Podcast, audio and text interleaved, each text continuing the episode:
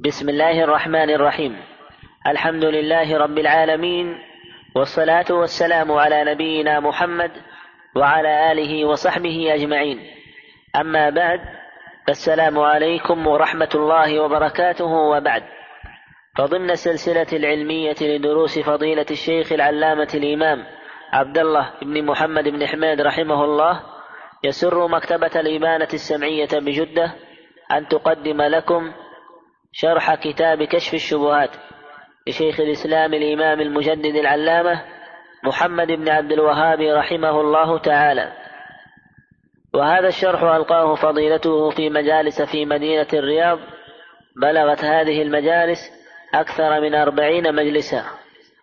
ولقد قمنا بفصل كل مجلس من هذه المجالس عن الآخر حتى يتسنى لطالب العلم الوقوف على جزء معين من الشريط. وننبه الإخوة المستمعين إلى أننا لم نحصل على شرح بعض المواضع من شرح الشيخ على هذا الكتاب وهي يسيرة جدا وقد أشرنا إليها في مواضعها من هذه الأشرطة. وبإمكان الطالب أن يرجع إلى الشروحات الأخرى على هذا الكتاب لتحصيل ما فاته من المواضع. هذا وقد بذلنا جهدنا في تصفية هذه الأشرطة وتوضيحها على قدر الوسع والطاقة. ومع ذلك فقد يلاحظ المستمع على بعض تلك المجالس ضعف الصوت فيها وهي قليلة جدا ولله الحمد. وكوننا أبقينا تلك المجالس ولم نقم بحذفها لأنه قد يستطيع بعض الطلبة إذا ركز السماع وكرره أن يعي شرح الشيخ ويفهم مراده. وهذا هو المقصود الأكبر من هذه الأشرطة. هذا ولقد جاء شرح الشيخ على هذا الكتاب في ثلاث أشرطة. وفي الختام نشكر الله عز وجل على أن يسر لنا إخراج هذا الشرح ونسأله المزيد من فضله. ثم نشكر طلاب الشيخ الذين قاموا بتسجيل هذه الدروس المباركة. ونشكر كذلك الإخوة في تسجيلات منهاج السنة بالرياض الشكر الجزيل على ما قاموا به من البحث عن هذه الأشرطة وتيسير حصولنا لها. نسأل الله عز وجل أن يجعل ذلك في موازين حسنات الجميع إنه سميع مجيب. وبموجب فهرس مكتبة الإبانة السمعية بجدة فإن رقم هذا الشريط هو أربعة عشر ومئة دال على اثنين وسبعمائة وثلاثة آلاف. ونسأل الله لنا الإعانة فيما توخينا من الإبانة. أما الآن فنترككم مع الشريط الأول من هذا الشرح. ومع المجلس الأول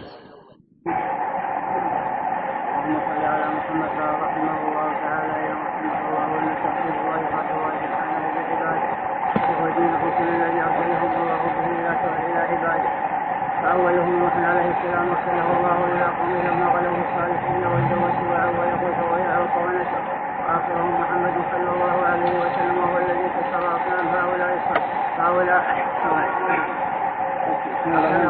أرسله إلى قومه قال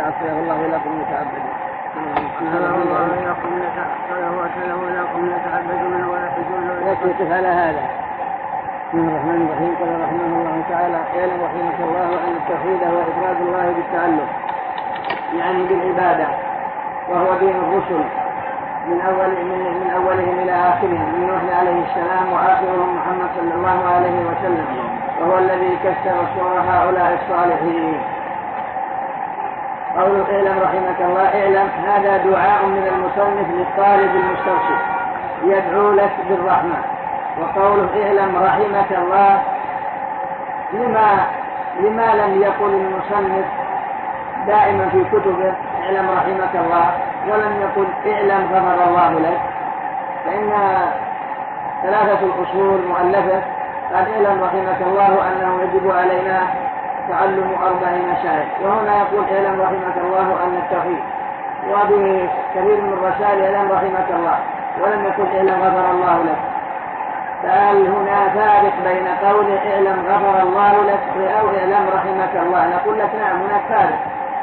لأن اعلم رحمك الله أعم.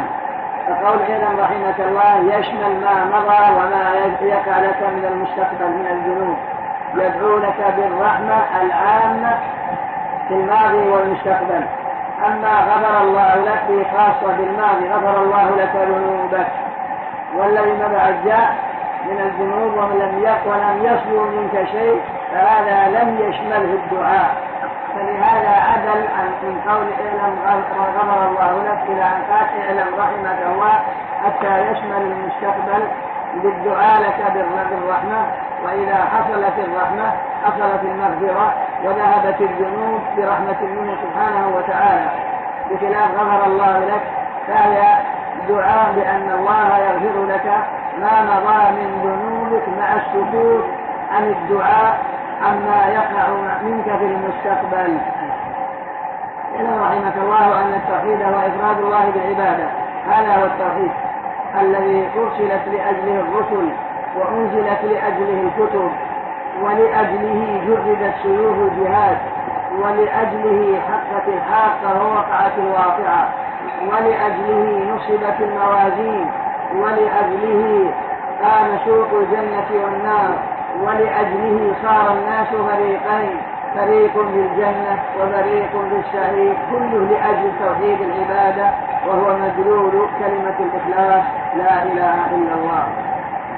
فلأجلها خلق الله الخليقة لأجلها أرسل الرسل لأجلها أنزل الكتب لأجلها قامت الصراط بين الجنة والنار لأجلها جريدت سيوف الجهاد لأجلها نصبت الموازين إلى غير ذلك كل من أجل لا إله إلا الله التي حقيقتها إفراد الله بالعبادة والبراءة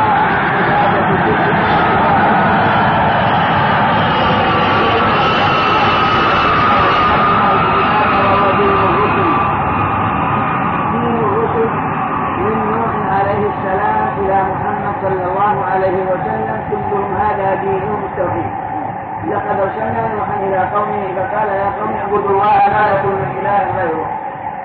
وإلى عاد اخاهم هودا قال يا قوم اعبدوا الله ما لكم من إله غيره. وإلى ثمود اخاهم صالحا قال يا قوم اعبدوا الله ما لكم من إله غيره. وإلى مدين اخاهم شعيبا قال يا قوم اعبدوا الله ما لكم من إله غيره. وفي حق نبينا صلى الله عليه وسلم وما أرسلنا من قبلك من رسول إلا نوحي إليه أنه لا إله إلا أنا فاعبدون.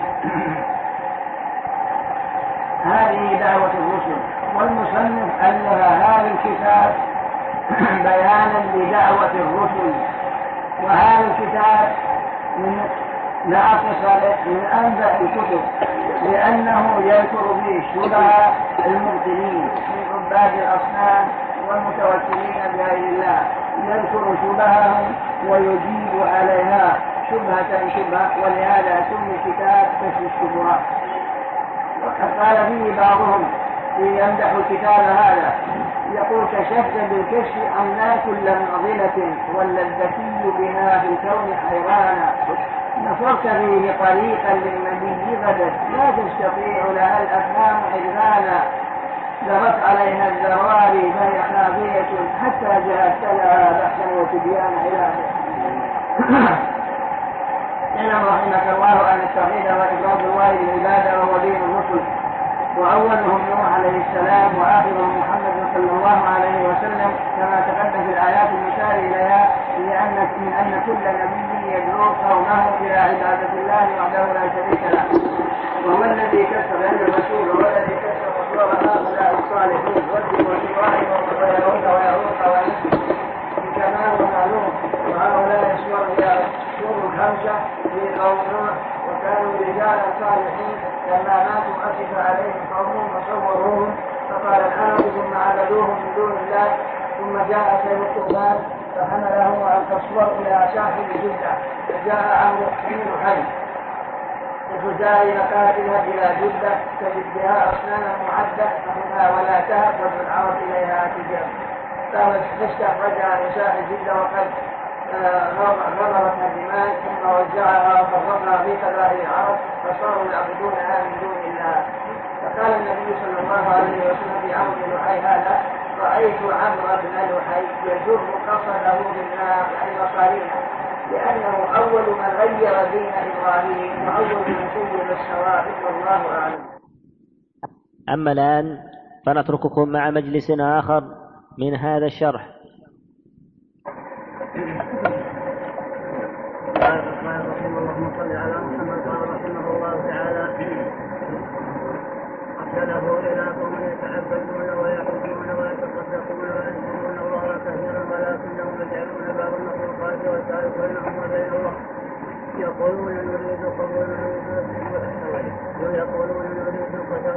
شفاعة نريد التقرب إلى الله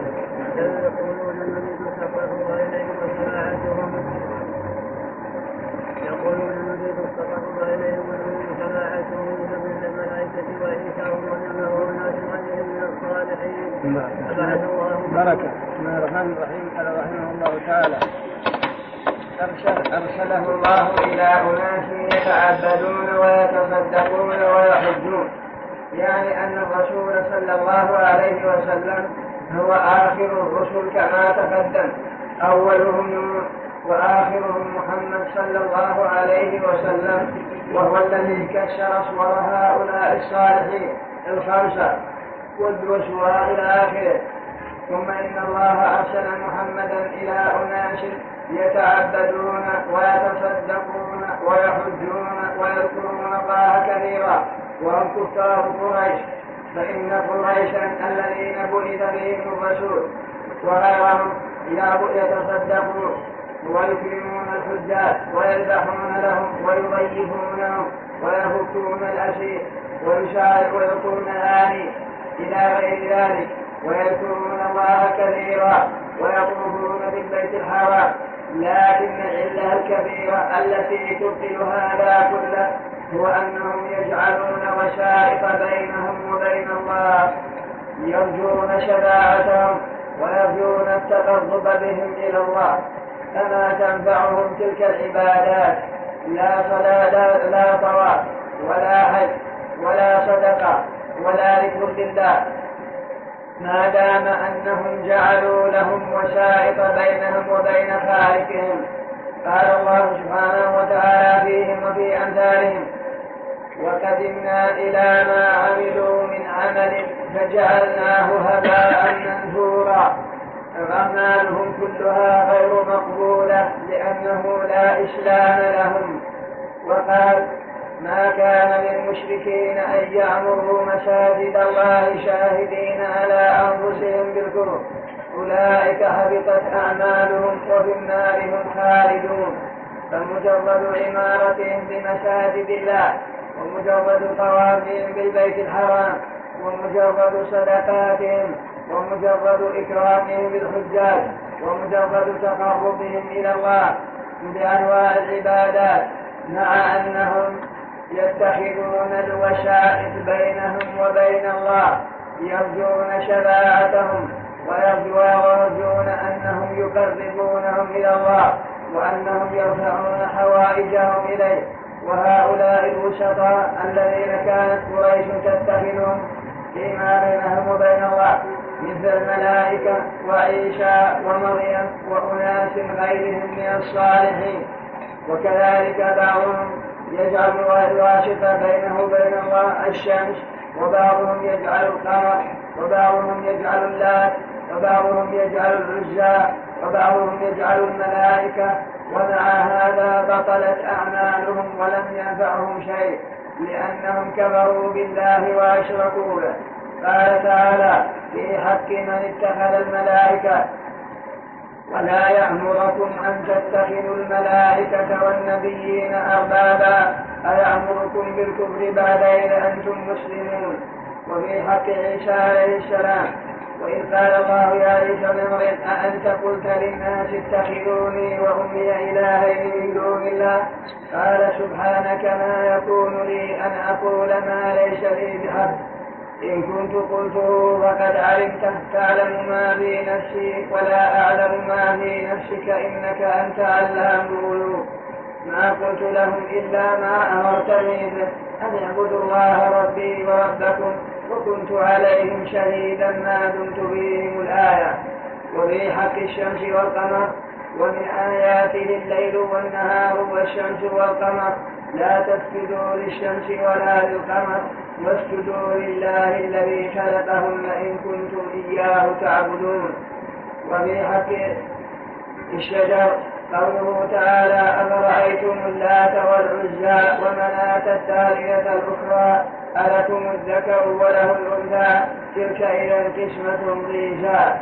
وحديث أبي واقد من ليث قال خرجنا مع رسول الله صلى الله عليه وسلم يوم حنين ونحن حدثاء عهد بكر قال فمضرنا بشجرة في رواية خضراء وكان للمشركين سدرة يعكفون عندها وينوطون بها أسلحتهم أي أنهم يرجون خيرها وبركتها.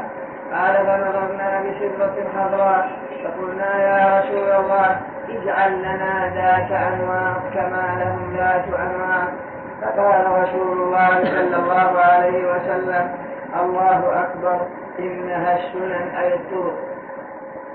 قلتم والذي نفسي بيده. كما قالت بنو إسرائيل لموسى اجعل لنا إلها كما لهم آلهة. هم لم يقولوا اجعل لنا إلها.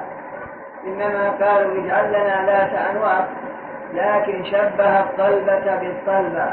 وأن مرادهم بقولهم اجعل لنا ذات أنواط يرجون خيرها وبركتها فشبه مقالتهم بمقالة بني إسرائيل بني إسرائيل لموسى حيث قالوا اجعل لنا إلها كما لهم آلهة.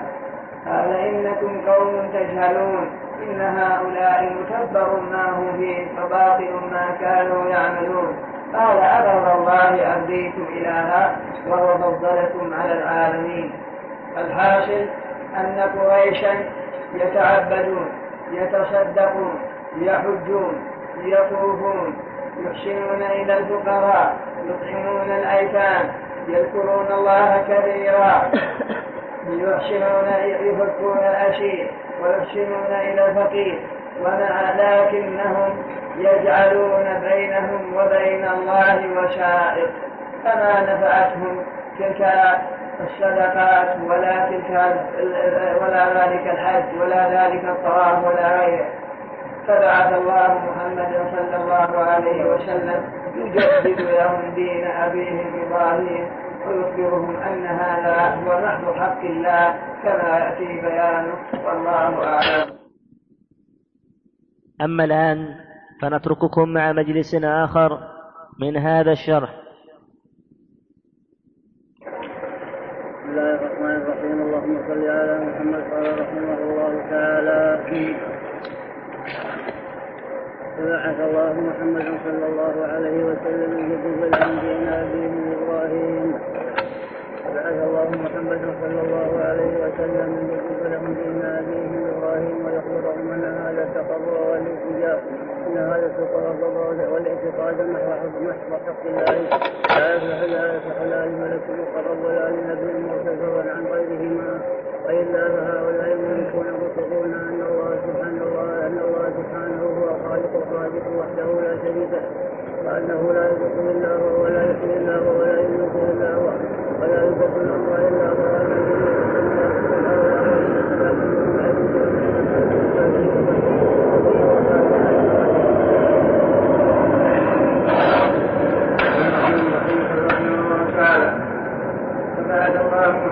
صلى الله عليه وسلم يجدد لهم دين أبيهم إبراهيم ويخبرهم أن هذا التقرب والاعتقاد محض حق الله تعالى لا يصلح منه شيء لا لملك مقرب ولا نبي مرسل فضلا عن غيرهما المعنى هو أن الله بعث محمدا صلى الله عليه وسلم ليخبر الناس بأنهم بأنهم ما هم عليه من الشرك بالله تعالى ودعائهم غير الله أنه دين باطل وأنه خلاف دين إبراهيم.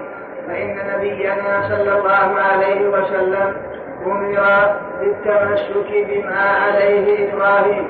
قال تعالى ثم أوحينا إليك أن اتبع ملة إبراهيم حنيفا وما كان من المشركين.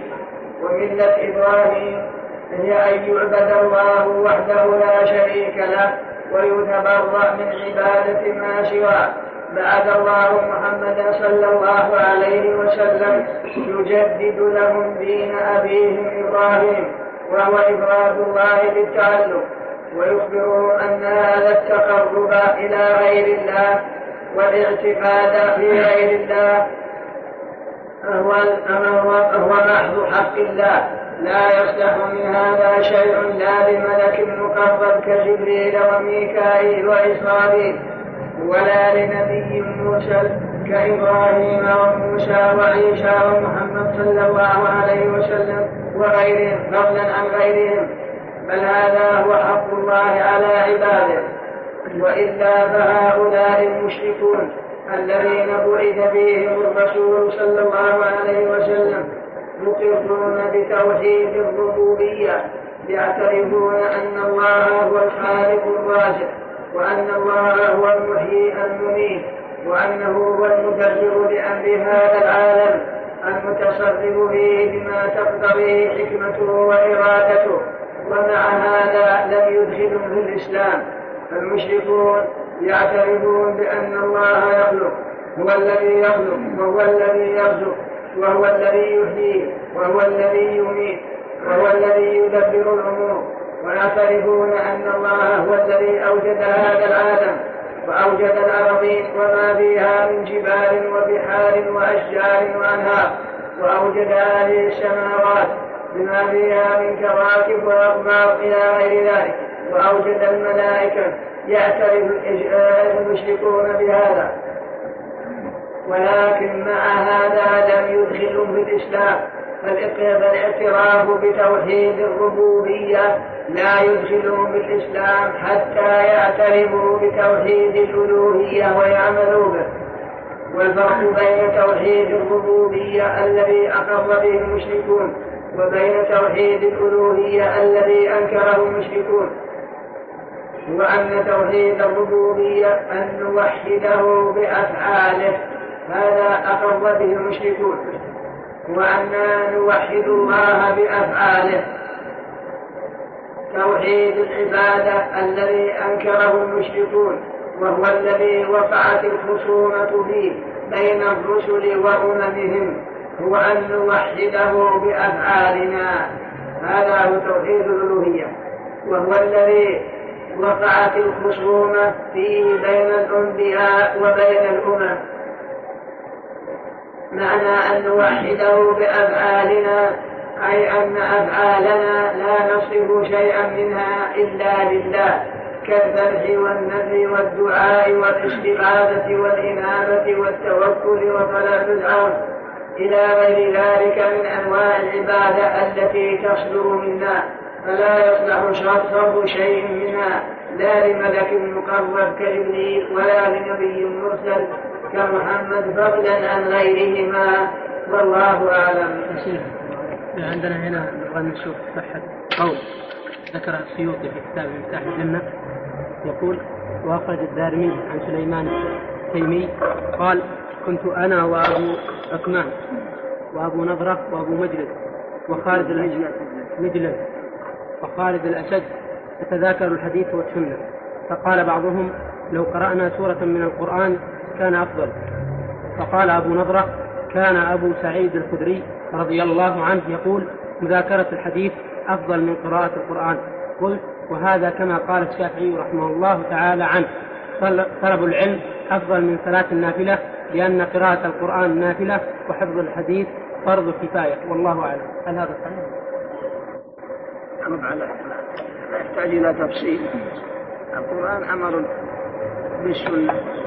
القرآن لم ينهى عن حفظ الحديث ولا عن قراءة الحديث. فقوله ما آتاكم الرسول خذوه مستلزم إلى أنك تتعرف ما جاء به الرسول. وقوله لقد كان لكم في رسول الله أسوة أسوة حسنة مستلزم إلى أنك تتعرف ما كان يفعله الرسول وما كان يقره فما بينهم منافاة ننبه الإخوة المستمعين إلى أننا لم نحصل على شرح الشيخ لقول المؤلف فإذا أردت الدليل على أن هؤلاء المشركين إلى آخره إلى قوله وغير ذلك من الآيات. أما الآن فنترككم مع مجلس آخر من هذا الشرح.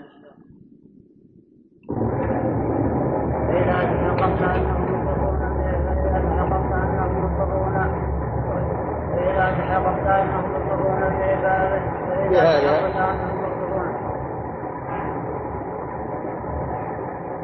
إذا تحققت أنهم مقرون بهذا ولم يدخلوا بالإسلام وإذا تحققت أنهم مقرون بهذا ولم يصرف ولم يصرف عبادة الله وحده وعرفت أن وعرفت أنهم وعرفت أن ما جحدوا عبادة الله وحده لا شريك له فإذا تحققت أنهم مقرون بهذا ولم يدخلهم ولم يدخلهم الإسلام وعرفت أنهم وعرفت أنهم أن ما جحدوا من الإنسان وحده بسم الله الرحمن الرحيم قال رحمه الله تعالى فإذا فإذا تحققت أنهم مقرون بهذا يعني بتوحيد الربوبية السابق بيانه ولم يدخلهم في الإسلام بل قاتلهم رسول الله صلى الله عليه وسلم واستحل دماءهم وأموالهم مع اعترافهم وإقرارهم بتوحيد الربوبية ومع هذا لم يكونوا بهذا مسلمين لأنهم لم يخلصوا العبادة لله وحده لا شريك له بل جعلوا مع الله وحده لا شريك له. أن يعبدون الملائكة والأنبياء وعيسى وعزير والأشجار وغيرها يرجون خيرها ويرجون بركتها ويظنون أنها ترفع حوائجهم إلى الله. فهذا الدعاء لا ينفعهم. حتى ولو كانوا يدعون الله ما دام أنهم غير معترفين بتوحيد العبادة فلا بد من توحيد العبادة الذي حقيقته أن لا يعبد إلا الله ولا يستعان إلا بالله والذي حقيقته بعبارة أخرى وأنا نوحده بأفعالنا. هذا هو توحيد العبادة. ولهذا كثيرا مما يحتج الرب سبحانه وتعالى على عباده. يحتج عليهم بما اعترفوا به من توحيد الربوبية على ما أنكروه من توحيد الألوهية في آيات كثيرة. كل من الأرض ومن فيها إن كنتم تعلمون. سيقولون لله قل أفلا تذكرون. وكذلك ولئن سألتهم من خلق السماوات والأرض ليقولن خلقهن العزيز العليم. معترفون بأن الله هو الذي خلق الأرض ومن فيها وخلق السماوات ومن فيها وأن الذي خلقها هو العزيز العليم. ومع هذا لم يصرفوا العباد للعزيز العليم بل جعلوا للعزيز العليم شريكا يرفع بزعمهم حوائجهم إلى العزيز العليم. يرجون خيرا ويرجون بركة ويقولون إنه واسطة بيننا وبين الله فاعترافهم بأن الله الذي خلق السماوات والأرض لا يدخلهم في الإسلام حتى ولو كانوا يدعون الله ليلا ونهارا. ما دام أنهم لم يصرفوا العبادة لله وأنهم جعلوا بينهم وبين الله وسائط سواء كان ذلك الواسطة نبيا أو ملكا أو وليا أو جنيا أو شجرا أو صالحا. أو حجرا أو غير ذلك مهما كانت الحالة فهم بهذا مشركون تباح دماؤهم تستحل دماؤهم وأموالهم كما فعل رسول الله صلى الله عليه وسلم مع مشرك العرب. والله أعلم. أما الآن فنترككم مع مجلس آخر من هذا الشرح.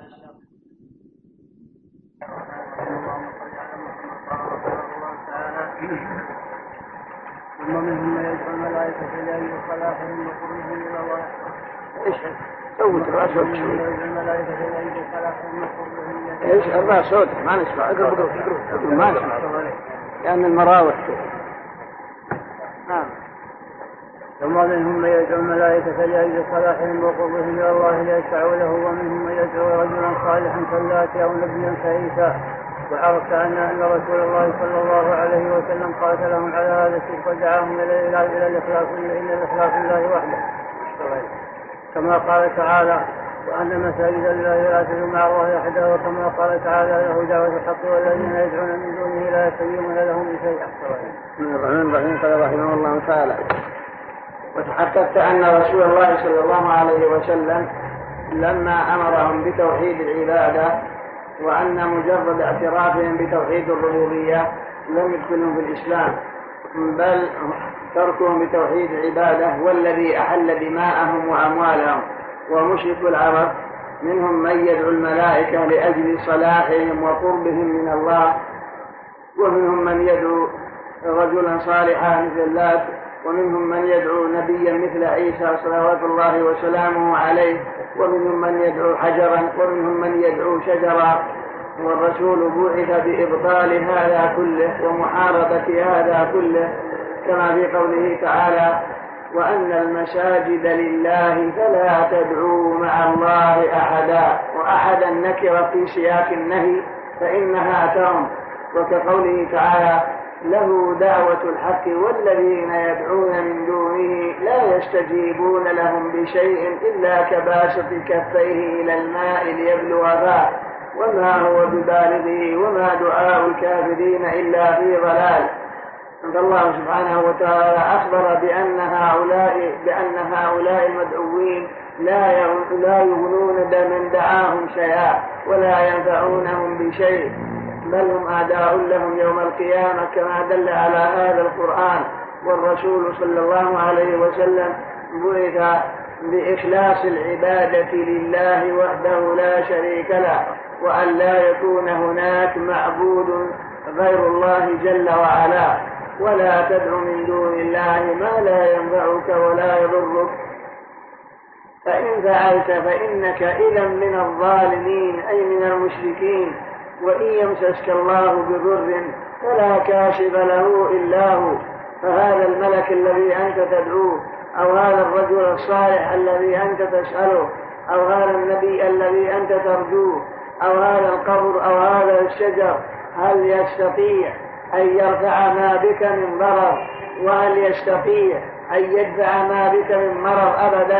لا قدرة لأحد على ذلك إلا الله. وإن يمسسك الله بضر فلا كاشف له إلا هو. وإن يردك بخير فلا راد لفضله. يصيب به من يشاء من عباده وهو الغفور الرحيم. والآية الأخرى لا تدعو مع الله إلها آخر فتكون من المعذبين. هذا كله يدل على بطلان التعلق بغير الله وأن الرسل كلهم من أولهم إلى آخرهم بعثوا لهذا الغرض وهو أن يأمروا أممهم بعبادة الله وأن لا يسألوا ولا يرجوا إلا ربهم جل وعلا وأن صرف شيء من العبادة لغيره هو كفر مضاهل لكفر العرب. الذين قاتلهم النبي صلى الله عليه وسلم واستحل دماءهم وأموالهم لأجل هذا. ولا فرق بينها لو دعا ملكا مقربا أو أو نبيا مرسلا أو دعا شجرا أو حجرا أو رجلا صالحا أو دعا جنيا أو أي فكل ذلك سواء.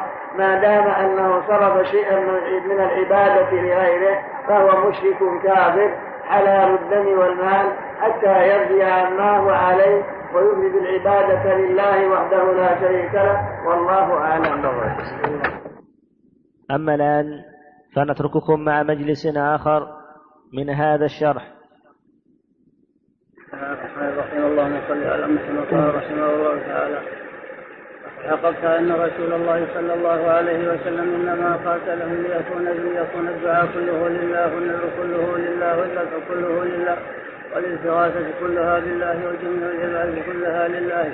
وعرفت أن اقرارهم بتوحيد الربوبية لم يدخلوا بالإسلام وأن لم يدخلوا بالإسلام وأن فأردت أن أن إقرارهم بالتوحيد وبالربوبية لم يدخلوا بالإسلام وأن وأن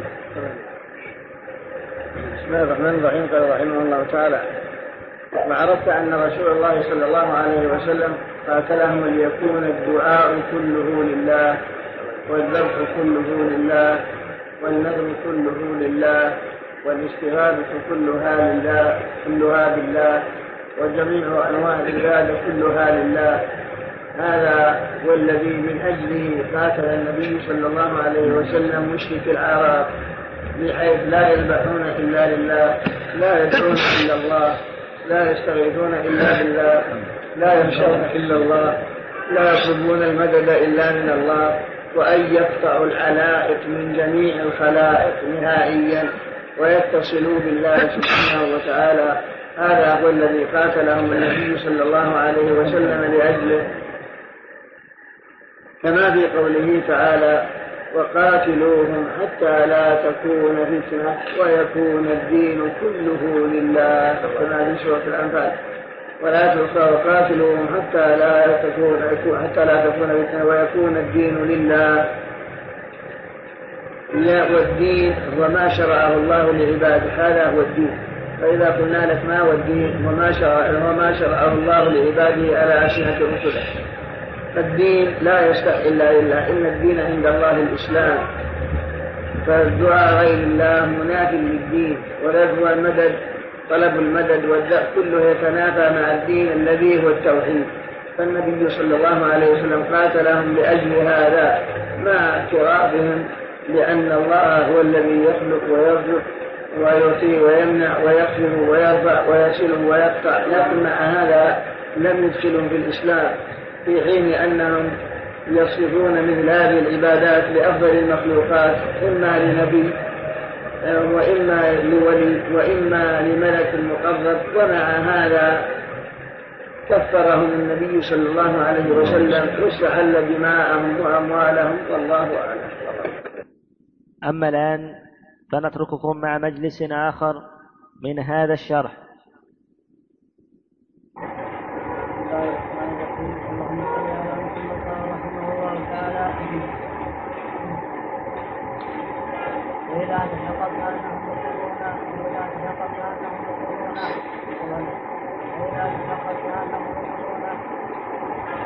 بتوحيد الربوبية.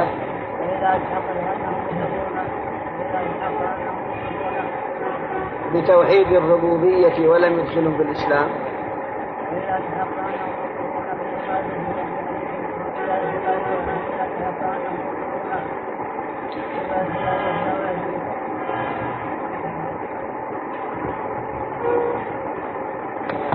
بسم الله الرحمن الرحيم. قال رحمه الله تعالى فإذا تحققت أن المشركين مقرون بتوحيد الربوبية من أن الله هو الذي يخلق ويرزق ويعطي ويمنع ويخلق ويتصرف في خلقه بما تقتضيه حكمته وإرادته. ومع هذا لم يدخلهم بالإسلام بل توحيد العبودية العبادة هو الذي أحل دماءهم وأموالهم وقاتلهم النبي صلى الله عليه وسلم لأجل ذلك. عرفت حينئذ حقيقة التوحيد الذي بعثت لأجله الرسل وأرسلت لأجله الرسل. فالمشركون كما تقدم في الآيات كلهم يعترفون بتوحيد الربوبية لكن منهم من يدعو الملائكة ومنهم من يدعي ليلا ونهارا ومنهم من يدعو الأشجار ومنهم من يدعو الأحجار. ومع هذا قاتلهم الرسول واستحل دماءهم. وأموالهم من أجل أن يكون الدين كله لله. وقد أمر النبي صلى الله عليه وسلم بقتالهم كما في قوله تعالى وقاتلوهم حتى لا تكون فتنة. يعني حتى لا يكون شرك. ويكون الدين لله. وآية الأنفال ويكون الدين كله لله. فالله أمر الرسول بقتالهم حتى ينتهي الشرك. ويكون الدين كله لله وحده لا شريك له. فعبادتهم ليلا ونهارا وصيامهم وصدقاتهم وحجهم لم ينفعهم. بل كما قال الله فيهم وفي أمثالهم وقدمنا إلى ما عملوا من عمل فجعلناه هباء منثورا. وذلك لإنكارهم توحيد العبادة الذي حقيقته أن لا نعبد إلا الله وحده لا شريك له وحقيقة أيضا أن نوحده بأفعالنا. فالمشركون وحدوا الله بأفعاله غير أنهم لم يوحدوه بأفعالهم. فتوحيد الربوبية لم يدخلهم بالإسلام ولم يعصم به دماءهم وأموالهم بل الرسول استحل دماءهم وأموالهم وقاتلهم من أجل العمل بمعنى لا إله إلا الله بأن بأن يكون الدين كله لله لا لا يسأل إلا الله ولا يستعان إلا بالله ولا يطلب المدد إلا منه ولا يستغاث إلا به. ولا يذبح ولا ينذر إلا له.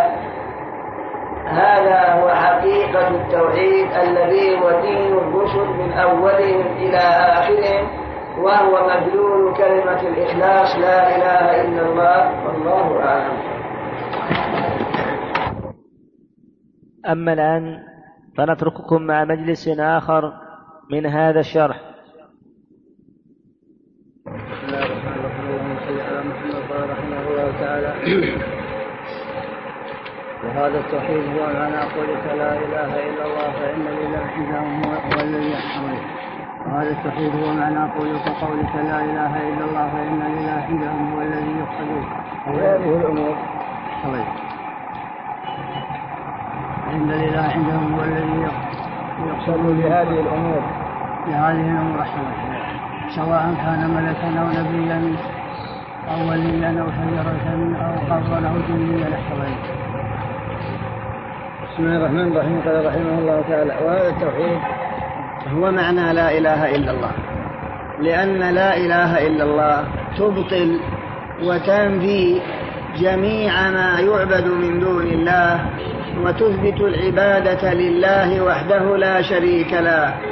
لكن عندهم الإله هو الذي يقصد لهذه الأمور سواء كان ملكا أو نبيا أو قبرا أو جنيا أو شجرة وقد يسمونه بالسيد.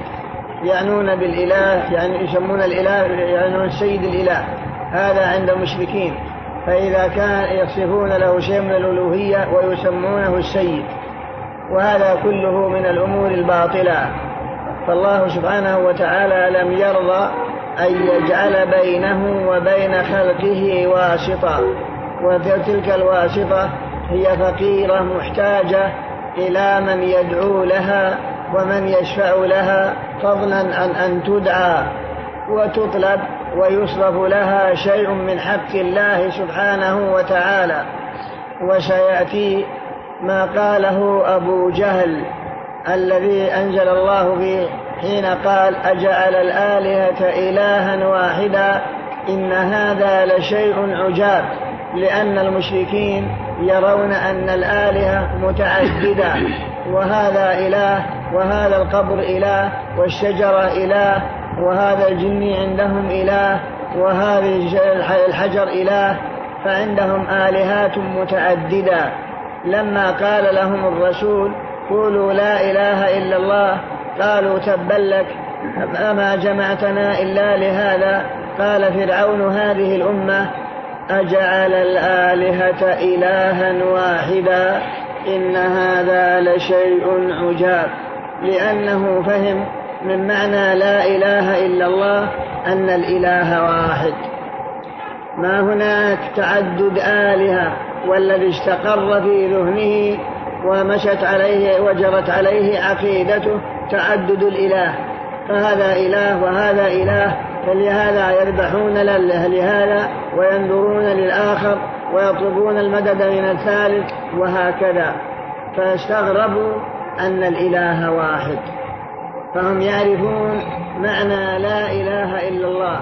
ولهذا قال المصنف فيما يأتي فلا خير في رجل جهال الكفار أعلم منه بمعنى لا إله إلا الله لأنهم فهموا منها بطلان تعدد تلك الآلهة وإنما الآلهة الألوهية تثبت له وحده لا شريك له بخلاف أهل زماننا فهم يقولون لا إله إلا الله ولم يعرفوا معناها ولا ما دلت عليه.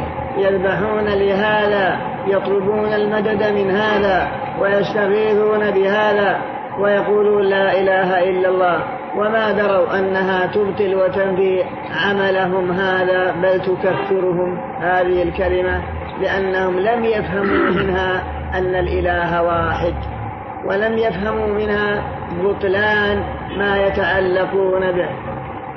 بخلاف أبي جهل فإنه فهم منها بطلان تعدد الآلهة وأن الإله المستحق للعبادة هو واحد. لهذا قال أجعل الآلهة إلها واحدا إن هذا لشيء عجاب.